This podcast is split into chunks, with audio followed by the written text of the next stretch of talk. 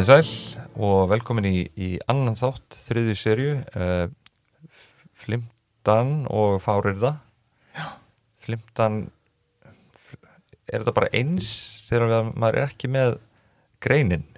Til Flimtan um Flimtan frá Flimtan til Flimtan. Allar að breyta þessu í hlaðvarpum beigingafræði þetta, ég, nú er ég búin að bjóða sko hérna áhörendur okkar velkomna í, í þætti í hvað 37 skipti eða Já. eitthvað og það er kannski komin tími til að hafa þetta alveg á 100 á, á tæru sko. En eini lærdómurinn sem við getum dreigað því er að þú undirbýrðir aldrei neitt áður fyrir að segja þetta orð. Nei, þetta er, já, þannig að við kannski bara höldum okkur við það. Já, en uh, ég, sko, ég tek aldrei nafn þessa þáttar sem þú ákvaðast Já. inn á mig. Já, uh, vandraða barnið Gunnlaugur.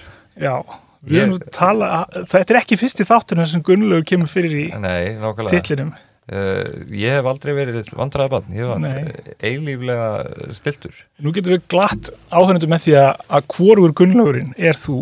Aha, og þessi Gunnlaugur er ekki svo sami á Gunnlaugur sem við fjalluðum um í fyrsta þættinum.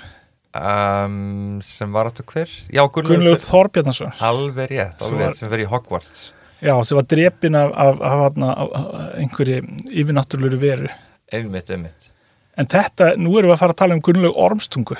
Já, einmitt. Og það er mjög fræg saga og þetta eitt af þessum merkjöld við hana er að, að, sem sagt, það var gert um hana eitt besta leikrið sem nokkur tíma hefur gert í, út úr upp úr fortsögu sem Benedikt Elliksson Og Haldur alls Já, Já, frábært. Þau virkilega náðu vel utanum þessa sögu Já. og Íslandika kannski sem heild. Mm og, og, og sagan hefur heilmikla möguleika samt fyrir nokkrum árum kendi hana og líka gíslasögu -hmm. og hrappkjörsögu saman þessar þrjá ár mm.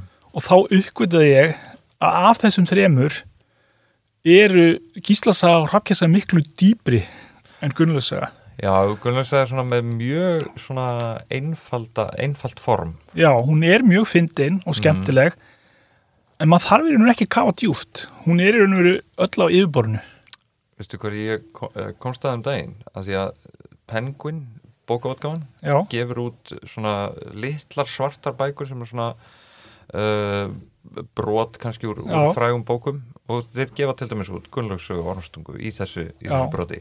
Nema þar breytaði stafsetningunni. Það er, það er hérna það saga af Gunnlaug. Já, og þetta finnst mér, þetta, þetta er glatað. Já. Hvaða stafsetning er þetta? þeir nota mjög mikið bara þolfalsstopnin Já, hvað, hvað þetta þýða? já, við eiga svolítið erfitt með endingarnar. Eðlilega kannski. Já, ég meina, þú veist, hann heitir Gunnlaugur það heitir engin ég meina, ef þetta væri sagan um Gunnlaug, Gunnlaugu þá var það kannski Já, já. skiljanleg en þess að hann heitir náttúrulega Gunnlaugur í nútímanum. Mm en á 13. öld heitir hann Gunnlaugur Já, vissulega og þetta veldur þetta ákveðnum vandræðum. En, en það er engin tilvíðun að Penguin hefur hampað þessari sögu.